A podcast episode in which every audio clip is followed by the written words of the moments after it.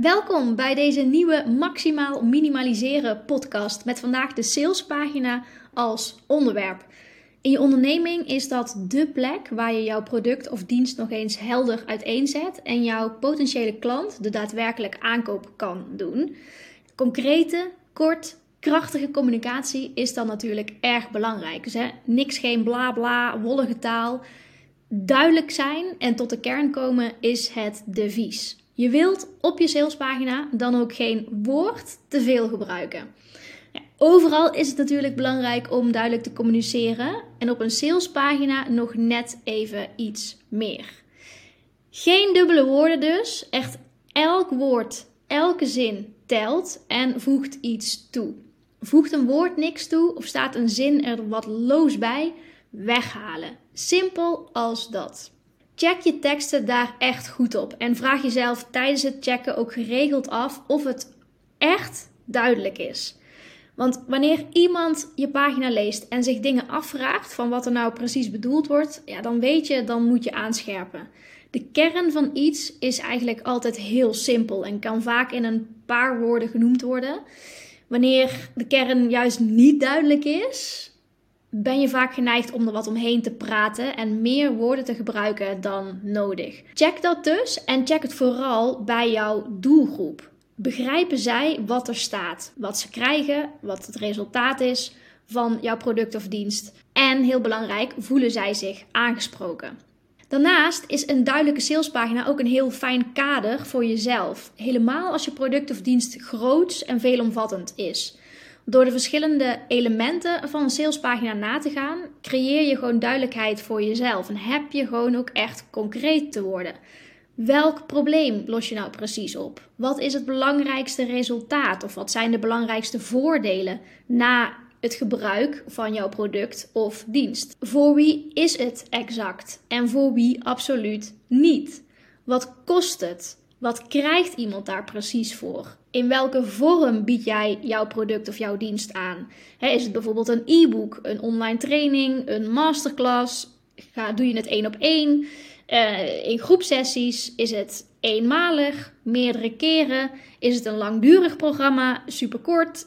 Wie ben jij en waarom ben jij de uitgelezen persoon om hiermee te helpen? Of wat is je drijfveer precies hè, om deze doelgroep te helpen met het X-specifieke probleem dat zij opgelost willen hebben? Wat zeggen anderen over jou en over het product of de dienst? En welke vragen krijg jij geregeld en kun je beantwoorden, hè, qua twijfels wellicht wegnemen in de frequently asked questions? Oké, met antwoorden op vragen als deze creëer je dus structuur. De volgende stap is natuurlijk welke woorden gebruik je dan? Wel, een mix tussen enerzijds waar jij voor staat en hoe jij daar woorden aan geeft. En anderzijds de taal van jouw doelgroep, want die heeft zich aangesproken te voelen. Die heeft zich te herkennen in het probleem dat wordt geschetst. En of geprikkeld te worden door de gewenste situatie die jij uiteenzet. Of door de resultaten van het product of de dienst. Dus de resultaten waar ze weer naar verlangen.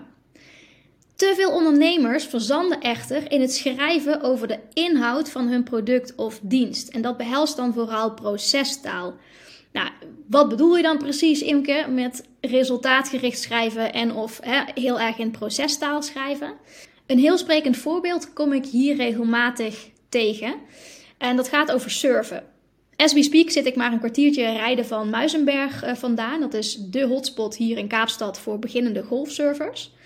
En eerder zat ik, even voor de context, eerder zat ik wel vaker minimaal een half uur rijden of nog langer van Muizenberg vandaan. En het was wel interessant om te merken hoe bepaalde surfleraren hun ja, dienst verwoorden, zeg maar, om, uh, om je te enthousiasmeren. Nou, mijn pijn of probleem zou bijvoorbeeld kunnen zijn: hè, ik ben moe of ik ben stressig van werk en ja, ik, heb eigenlijk geen tijd om te surfen. En helemaal niet als ik daar meer, voor, uh, meer dan een half uur voor moet rijden. En toch wil ik het wel ergens ook graag leren. Nou, veel surfscholen probeer je dan te, uh, op deze manier te enthousiasmeren. Ha joh, het is maar 40 minuten rijden. Je krijgt van mij een wetsuit en een plank en instructies en je bent good to go. Wanneer je dit hoort en dit voor jou heel logisch klinkt om het op deze manier te verwoorden En dit dus inderdaad als eerste ook bij jou op zou komen om dit aan te geven. Besef dan dat dit procestaal is. Want dit zijn inderdaad facetten die inderdaad nodig zijn om van A naar B te komen. Maar maken je niet per se enthousiast om daadwerkelijk in beweging te komen. Resultaatgericht schrijven zou bijvoorbeeld zijn: Kom surfen, het is echt geweldig. Je bent even volledig in het moment, uit je hoofd, in je lijf en je voelt je helemaal herboren daarna. Je hebt weer volle bak energie. Begrijp je het verschil? Het is het verlangen of het resultaat wat daadwerkelijk motiveert om in beweging te komen. Niet per se de weg die iemand daarvoor heeft te lopen, de stappen die iemand heeft te zetten. Helemaal niet als het iets betreft wat niet even met een quick fix te op te lossen is. Het voelt ergens ook weer een beetje tegenstrijdig om het zo te benoemen, omdat in het dagelijks leven het proces natuurlijk de weg is. Als in het, het is niet zo dat als je bij resultaat X, Y, Z bent, dat je er dan bent. Dan is er wel weer iets nieuws wat op te lossen is en eh, een volgend proces om, om in te gaan. Je hebt als van die quotes, hè, het leven is de weg of het geluk is de weg. Het proces is nou eenmaal de weg. Op een salespagina echter wil je echt waken voor procestaal. En dus hè, procestaal maximaal minimaliseren. En vooral heel duidelijk de pijn of het probleem benoemen. En het resultaat, de belangrijkste voordelen die met jouw product of jouw dienst bewerkstelligd worden. Nou goed, dubbele woorden, dubbele zinnen of herhaling van hetzelfde vlak na elkaar, dat is allemaal ruis. Dat had ik al wel benoemd. Dat dus allemaal weghalen.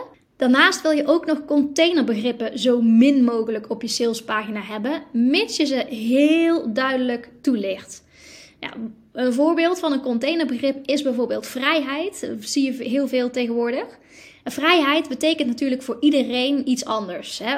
Als je zo'n begrip gebruikt, besef dan dat je heel goed aangeeft welke belofte doe je dan precies. Als in na het volgen van jouw product of dienst ervaart iemand weer vrijheid. Vrijheid in wat? In zijn eigen werktijden in te delen? Of juist de kids van school te kunnen halen? Of locatie onafhankelijk te werken over de hele wereld? En dus ook vanaf droombestemmingen eh, in de zon als het in Nederland winter is? Om maar een voorbeeld te noemen. Door het in ieder geval zo concreet mogelijk te maken, weet jouw doelgroep wat er te halen valt, om het zo maar te zeggen. En voelt intrinsiek een yes als ze daar ook naar verlangen. En zo voorkom je ook nog onterechte verwachtingen. Nou, wanneer je nu zegt, daar heb je wel eh, een paar goede punten en daar wil ik meer mee. Check dan vooral de snelcursus salespagina schrijven. Op het moment van het opnemen van deze podcast zijn er nog twee Zoom-sessies waar je live bij kunt zijn. De opnames staan sowieso geregistreerd in de online leeromgeving. En ik weet zeker dat je daar ook sowieso waarde uit haalt. En leuk dat ik dat natuurlijk zeg. dit is wat Anne erover zei. Je hebt zo ontzettend veel waarde gedeeld vandaag. Ik ben echt heel blij dat ik erbij was. Vandaag ook meteen aan de slag gegaan met mijn salespagina. Toch fijn nu dat ik al 10 klanten heb om dat gedeelte ook professioneel te gaan maken. Wel, superleuk als je er een volgende keer ook bij bent. Heb je wellicht aanvullingen op dit onderwerp of roept het juist vragen op? Deel het met me via een mailtje op info.imkevankuppenveld.nl Thanks en tot de volgende!